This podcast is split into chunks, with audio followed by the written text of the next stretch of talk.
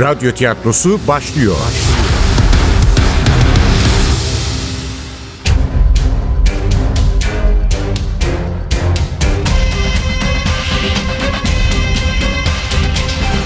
Sultanı Öldürmek 19. Bölüm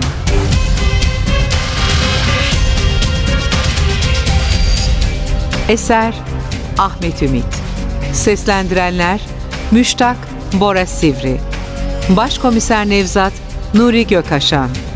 Komiser Ali Umut Tabak. Tahir Hakkı Dündar Müftüoğlu. Çetin İlham Erdoğan. Müştak'ın teyzesi Şeyma Ayık. Küçük Müştak Ahmet Taşar. Aynadaki Adam Bora Seçkin. Efektör Cengiz Saral. Ses Teknisyeni Cem Kora. Yönetmen Ogün Yağcı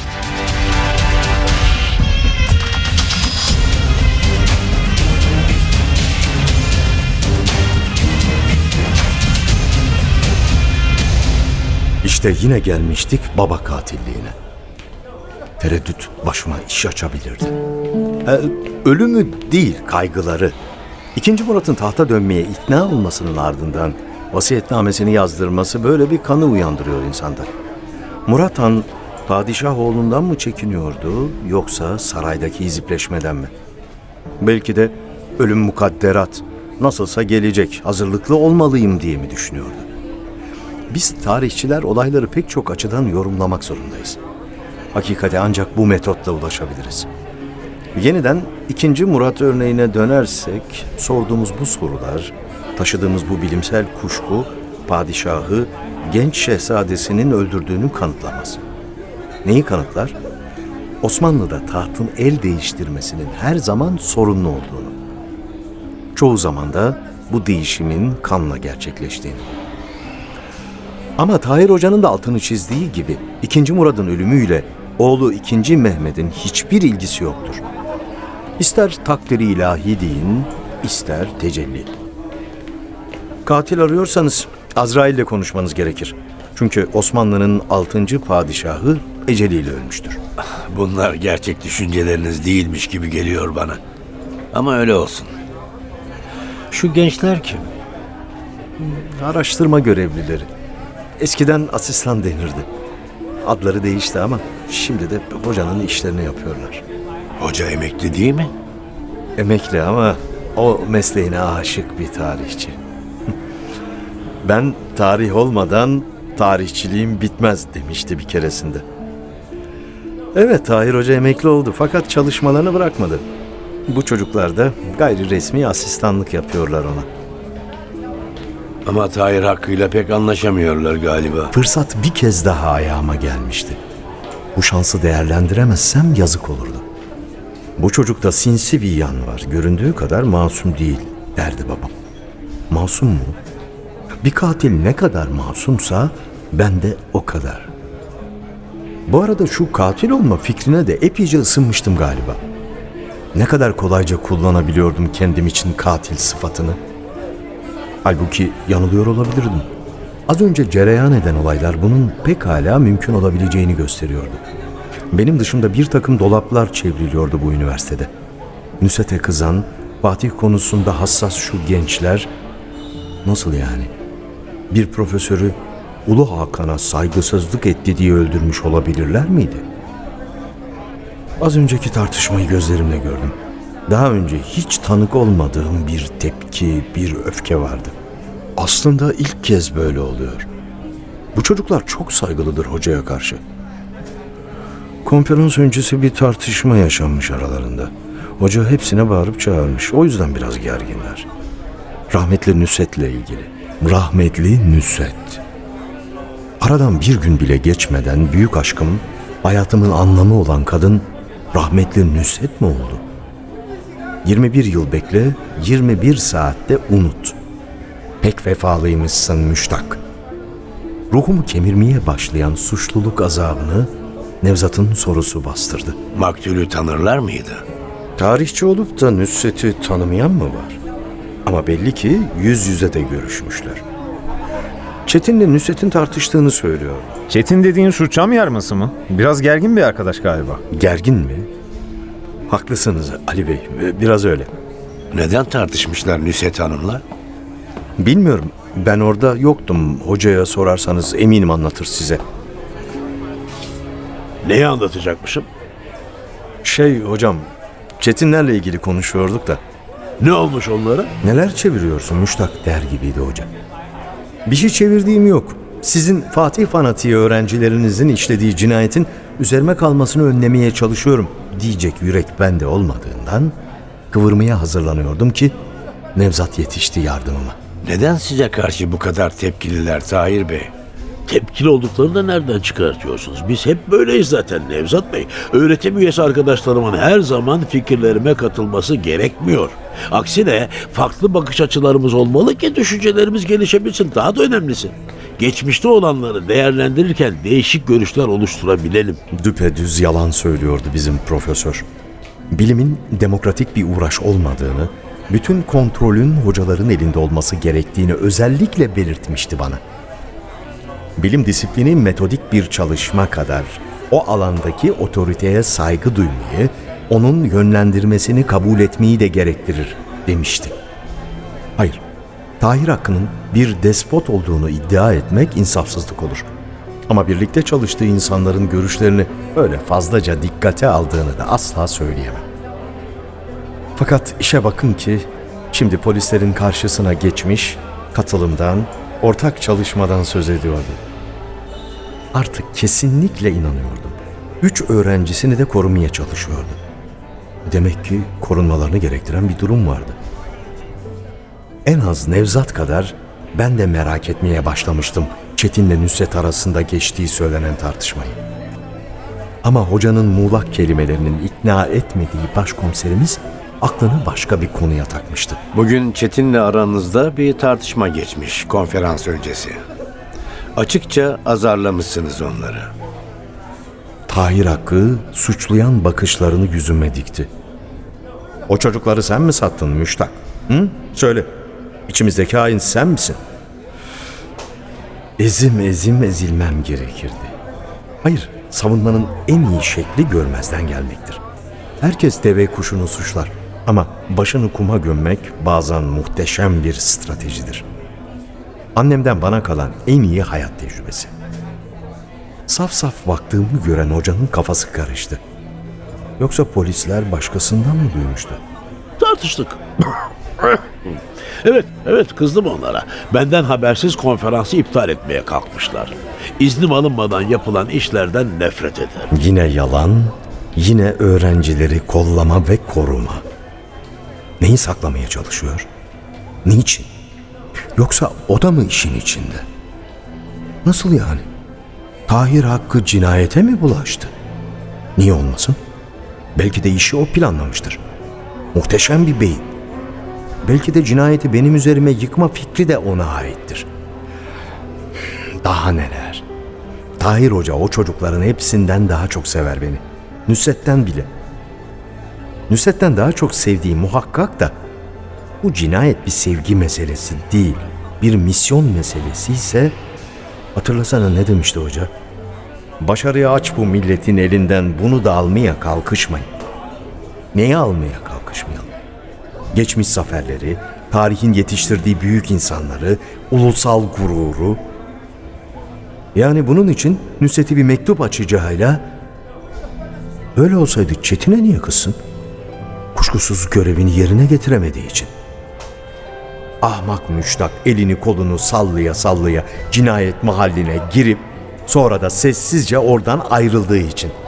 Üstelik cinayet aletini de yanına alarak. Belki de Nusret'in yanındayken polise ihbar edip beni yakalatacaklardı. Belki de asıl entrika buydu. Ama hiçbir konuda tam olarak güvenilmeyecek olan bu gençlerin ihmalkarlığı sonucu. Anlıyorum. Tahir Bey, daha rahat konuşabileceğimiz bir yer bulabilir miyiz? Benim odama gidelim isterseniz. Orası rahattır. Kusura bakmayın Müştak Hocam. Sadece Tahir Bey'le konuşmak istiyoruz. Yani boş yere kurtuldum diye heveslenmeyin. Siz de hala zanlılar listesindesiniz demek istiyordu. Tahir Hakkı'nın da benim yardımıma ihtiyacı yoktu. Zaten senin kata kadar çıkamam müştak. Girişte bir konuk odası var. Paltomu, atkımı oraya bırakmıştım. Sanırım orada konuşabiliriz. Bir yere ayrılma müştak. Sana söyleyeceklerim var.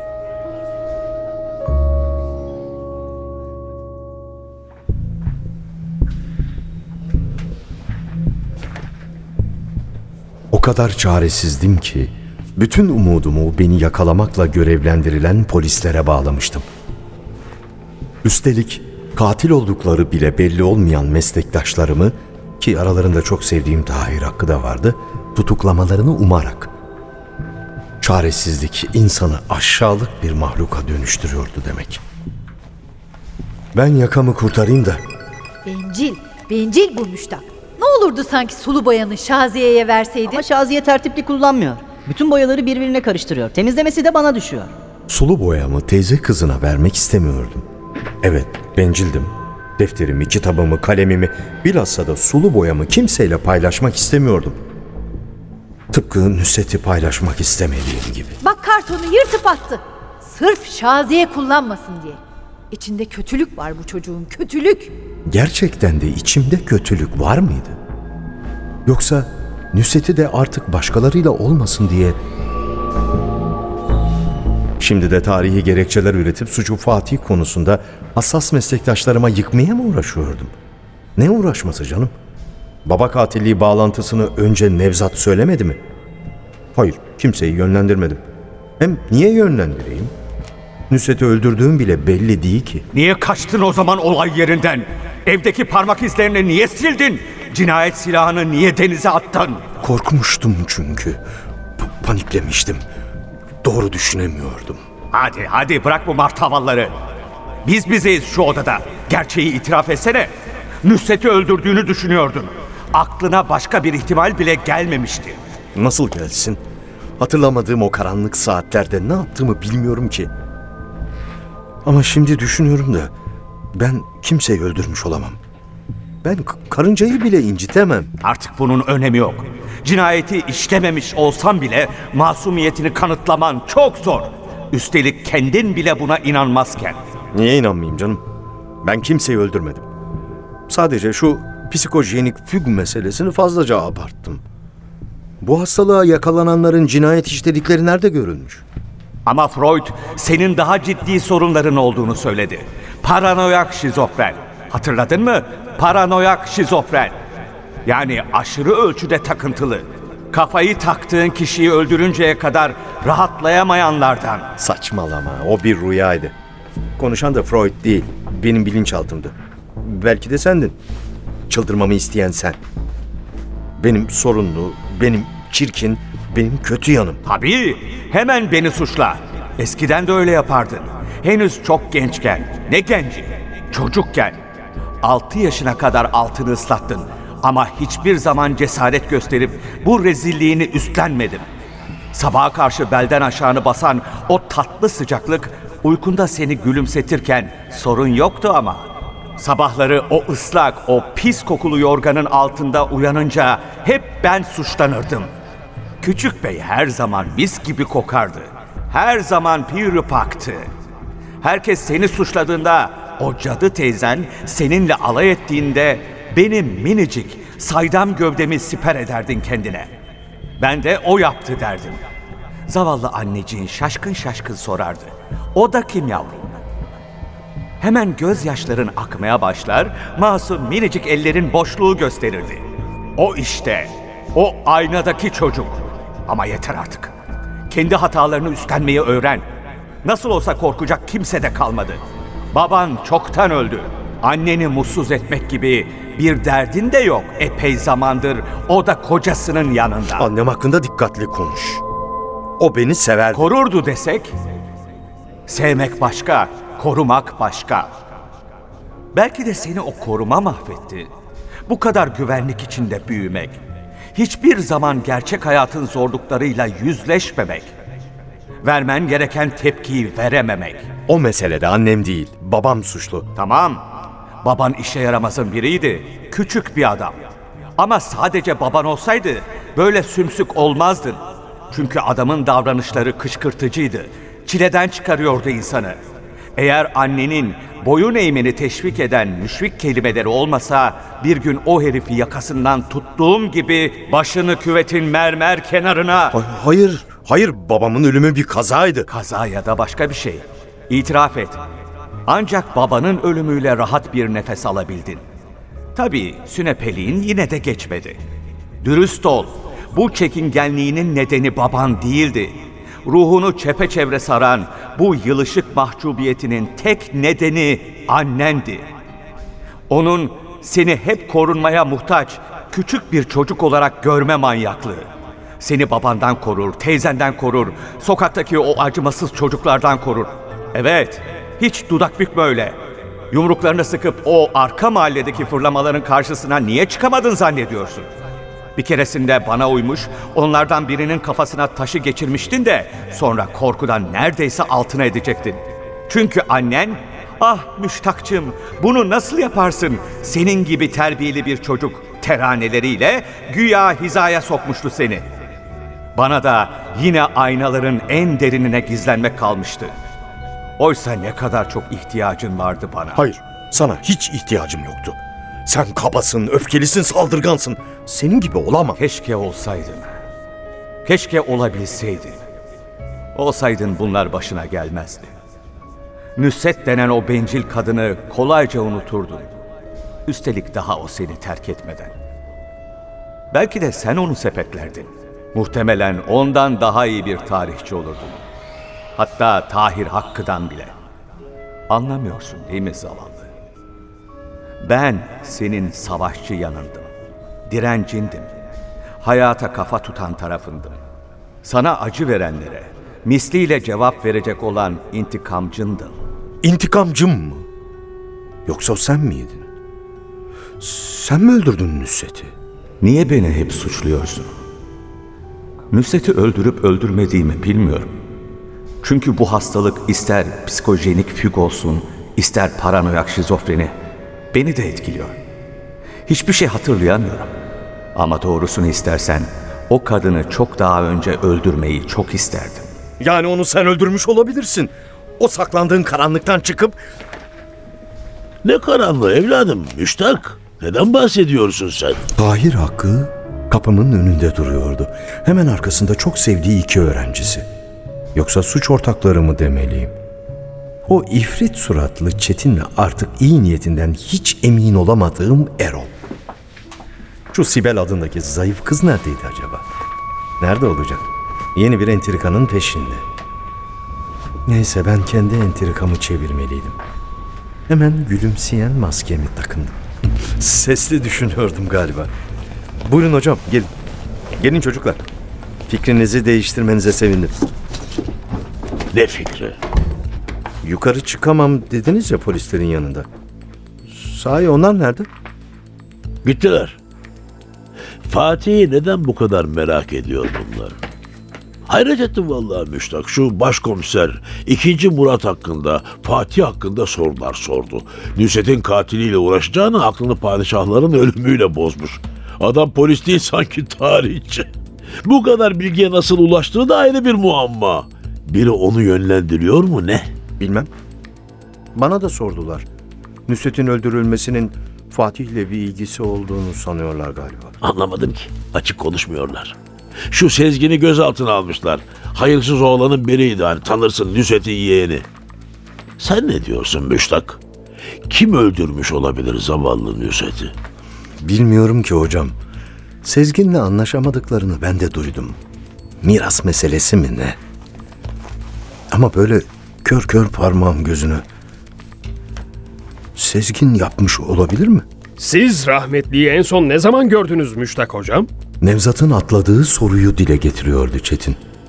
Eğer Sezgin bu işten yakayı sıyırırsa suçu nasıl yapar da bu saftirik adamın üzerine yıkarız diye mi düşünüyordu? Yıkmak mı? Zaten Nusret'i ben öldürmedim mi? O zaman karşımdaki bu üçlünün bu işi bu kadar kurcalamasının sebebi ne?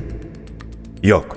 Öyle ya da böyle hoca ve genç şürekası bu cinayetle bir şekilde alakalıydı.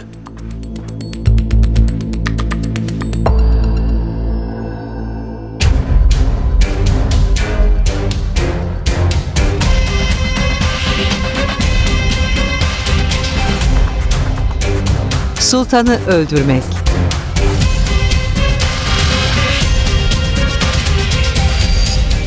Eser Ahmet Ümit. Seslendirenler Müştak Bora Sivri. Başkomiser Nevzat Nuri Gökaşan. Komiser Ali Umut Tabak. Tahir Hakkı Dündar Müftüoğlu. Çetin İlham Erdoğan. Müştak'ın teyzesi Şeyma Ayık Küçük Müştak Ahmet Taşar. Aynadaki Adam Bora Seçkin. Efektör Cengiz Saral. Ses Teknisyeni Cem Kora. Yönetmen Ogün Yağcı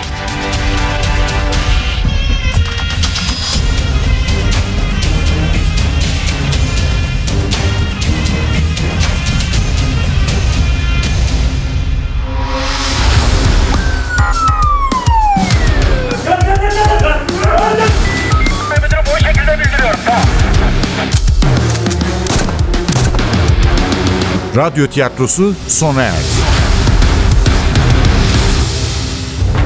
Radyo tiyatrosu her cumartesi 11.30'da NTV Radyo'da.